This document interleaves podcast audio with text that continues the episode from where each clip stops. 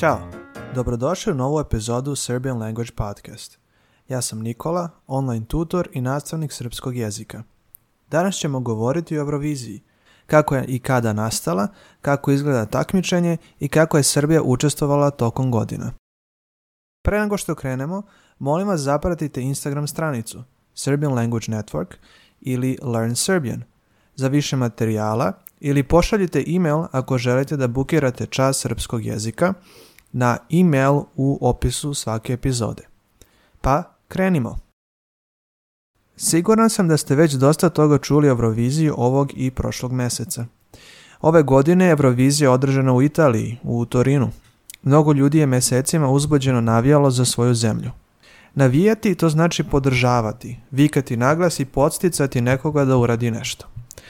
Ali kako je bilo na početku? Kako je Eurovizija nastala i koje su bile prve pesme.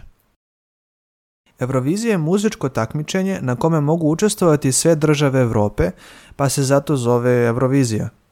Učestvovati to znači biti deo neke aktivnosti. Od skoro na ovom takmičenju učestvuje i Australija. Izgleda da ima mnogo fanova Eurovizije tamo. Zapravo, zemlje koje mogu da učestvuju su one zemlje koje su članice Europske radiofuzne unije. To je unija medijskih javnih servisa koji emituju medijske programe. Ova unija organizuje pesmu Eurovizije, ali i dečiju pesmu Eurovizije. Dakle, zemlje koje su članice radiofuzne Europske unije mogu učestovati na Euroviziji.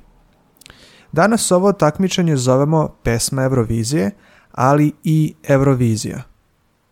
Eurovizija je zapravo medijska mreža koju je osnovala Europska radiofuzna unija, ali ovo ime uglavnom koristimo kao ime za muzičko takmičenje. Ova televizijska mreža pokriva potencijalnih milijardu gledalaca. Pesma Eurovizija je jedan od televizijskih programa sa najdužom tradicijom na svijetu, a to je isto i najgledaniji nesportski program na svijetu. Euroviziju svake godine gleda oko 200 miliona ljudi. Prvo takmičenje je održano u Švajcarskoj, u Luganu, 24. maja 1956. godine. Zemlje koje su učestvovale su bile Francuska, Nemačka, Italija, Holandija, Luksemburg, Belgija i naravno Švajcarska kao domaćin. Svaka zemlja je poslala dve pesme. To je prvi i jedini put da su zemlje imale više od jedne pesme na Euroviziji. Na Euroviziji koja je održana u Srbiji 2008. godine učestvovao je rekordan broj od 43 zemlje. Na početku ovaj festival imao naziv Eurovision Grand Prix. Prvi pobjednik na Euroviziji bila je Švajcarska, tačnije izvođač Lis Asia sa pesmom Refren. Kako je organizovano takmičenje? Svaka zemlja koja učestvuje ima svoju delegaciju ili predstavnike – koju šalje na takmičenje. To je grupa ljudi zajedno sa izvođačem, plesačima, muzičarima, kompozitorom, novinarima i tako dalje. Svaka zemlja bira umetnika koji će napisati jednu pesmu koja ne sme biti na bilo koji način objavljena ili izvedena komercijalno ili na koncertu pre 1. septembra prethodne godine. Tako na Euroviziji učestvuju nove i sveže pesme – Uglavnom svaka zemlja bira svog predstavnika na nacionalnom finalu. Predstavnik to je osoba koja radi nešto u ime nekoga drugog. Ona predstavlja nekoga ili nešto, na primjer Konstrakta je ove godine predstavljala Srbiju.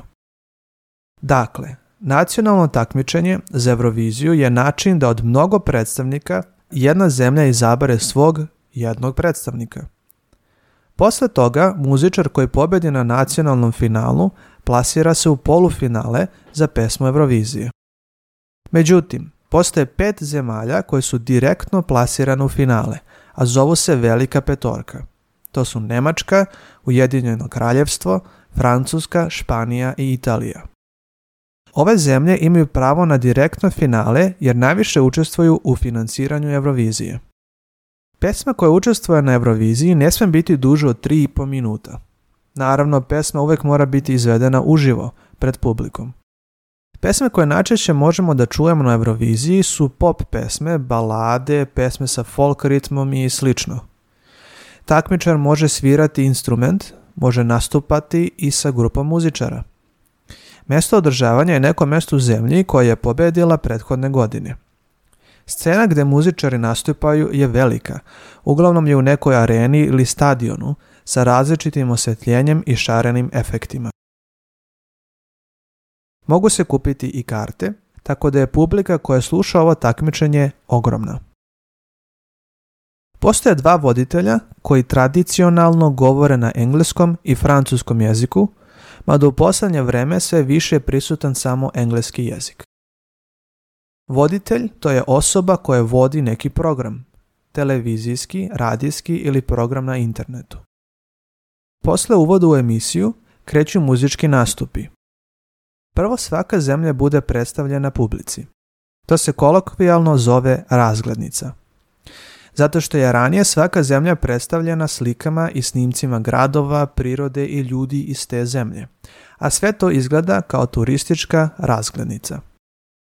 Posle toga nastupa njen predstavnik i odmah po završetku pesme kreće razglednica sljedeće zemlje.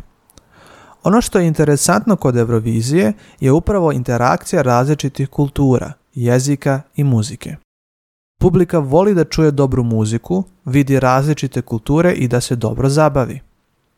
Zbog toga voditelji često pokušavaju da budu zanimljivi i da razmene par reči sa svakim izvođačem iz svake zemlje između pesama postoje različiti zanimljivi sadržaji i mini intervjui.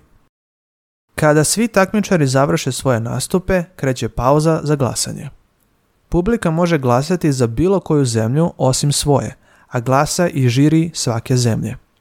Dakle, svaka zemlja ima svoj profesionalni žiri koji glasa za najbolju pesmu tako što deli poene. Poeni su 1, 2, 3, 4, 5, i tako do 10 i najveći poen je 12, odnosno 12 poena. Ovih 12 poena ide najboljoj pesmi. U isto vrijeme publika također glasa preko SMS poruka ili preko interneta.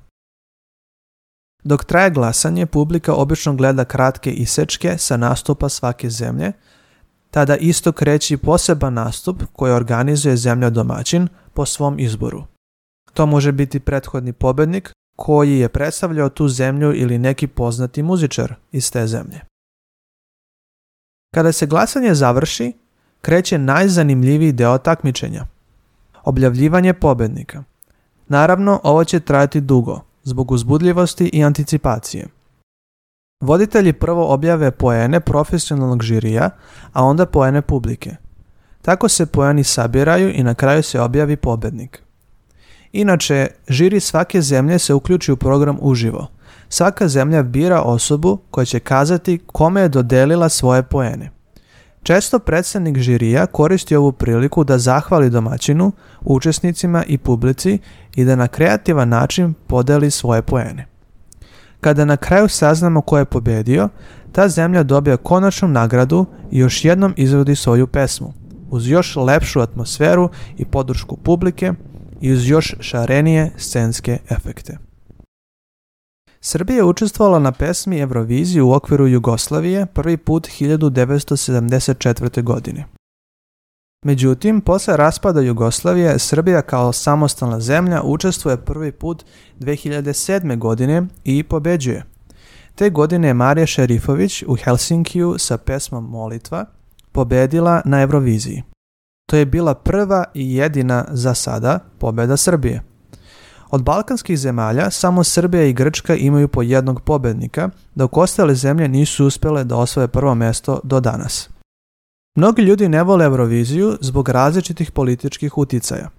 Na primjer, mnogi ljudi su očekivali pobjedu Ukrajine ove godine na takmičenju upravo zbog trenutnog stanja u svjetskoj politici.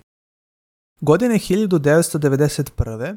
Pre totalnog raspada zemlje, Jugoslavija je imala svog predstavnika, Baby Doll, koja je sa pesmom Brazil bila na pretposlanjem mestu. Možemo pretpostaviti da političko stanje u Jugoslaviji također nije bilo dobro i da je uticalo na žirije ostalih zemalja da Baby Doll, pevačici iz Srbije, daju najmanji broj poena. Međutim, njena pesma Brazil je bila i sada jeste jedna od najpopularnijih pop pesama koju često možete čuti na raznim žurkama. Ove godine Srbija je imala jako zanimljivog predstavnika. Konstrakta sa pesmom Incorpore Sano. Konstrakta je osvojila publiko ne samo u Srbiji, već širom Europe. Izazvala je pravu polemiku i raspravu na društvenim mrežama. Neki je obožavaju, neki ne razumeju i ne vole. Međutim, ona je osvojila peto mjesto na Euroviziji ove godine i to je činjenica. Srbija nije osvojila bolje mesto još od 2012. godine. Njena pesma govori o zdravstvenim, društvenim i egzistencijalnim problemima umjetnika danas, ali i svake osobe pojedinačno. Dok smo gledali Euroviziju uživo, mogli smo čuti publiku, pa čak i voditelje, kako tapšu i glasno pevaju bit, bit, bit, biti zdrava. I to je velika pobjeda. Možemo reći da je ovo jedan od prvih avangardnih nastupa na Euroviziji ikad. Dakle, Euroviziji dalje ostaje najgledaniji međunarodni europski program. Mnogi ljudi vole da se za finalno veče okupe i naprave mini žurku na kojoj svi zajedno gledaju ovo takmičenje. Razmjena dobre energije, muzike i tradicije je ono što možemo nazvati magijom Eurovizije. Neki ljudi gledaju Euroviziju zbog pesama koje će ubrzo poslije završetka takmičenja biti jedno od najslušanijih pesama te godine. Drugi ljudi gledaju Euroviziju zbog takmičarskog karaktera. Treća grupa ljudi, pa treća grupa ljudi ne veruje Euroviziju i uopšte je ne prati. Šta vi mislite? Da li je Eurovizija takmičenje samo u muzici? Da li ste i vi fan Eurovizije? To bi bilo sve za ovu muzičku epizodu. Nadam se da ste uživali. Ukoliko želite da nastavite sa učenjem srpskog jezika, molim vas zapratite Instagram stranicu Serbian Language Network ili Learn Serbian, gdje možete naći dodatne materijale za učenje i bukirati vaš prvi čas srpskog jezika – ili jednostavno pošaljete e-mail u opisu svake epizode. Ako vam se dopada podcast, možete ga podržati na Buy Me A Coffee Vidimo se i čujemo se uskoro. Pozdrav!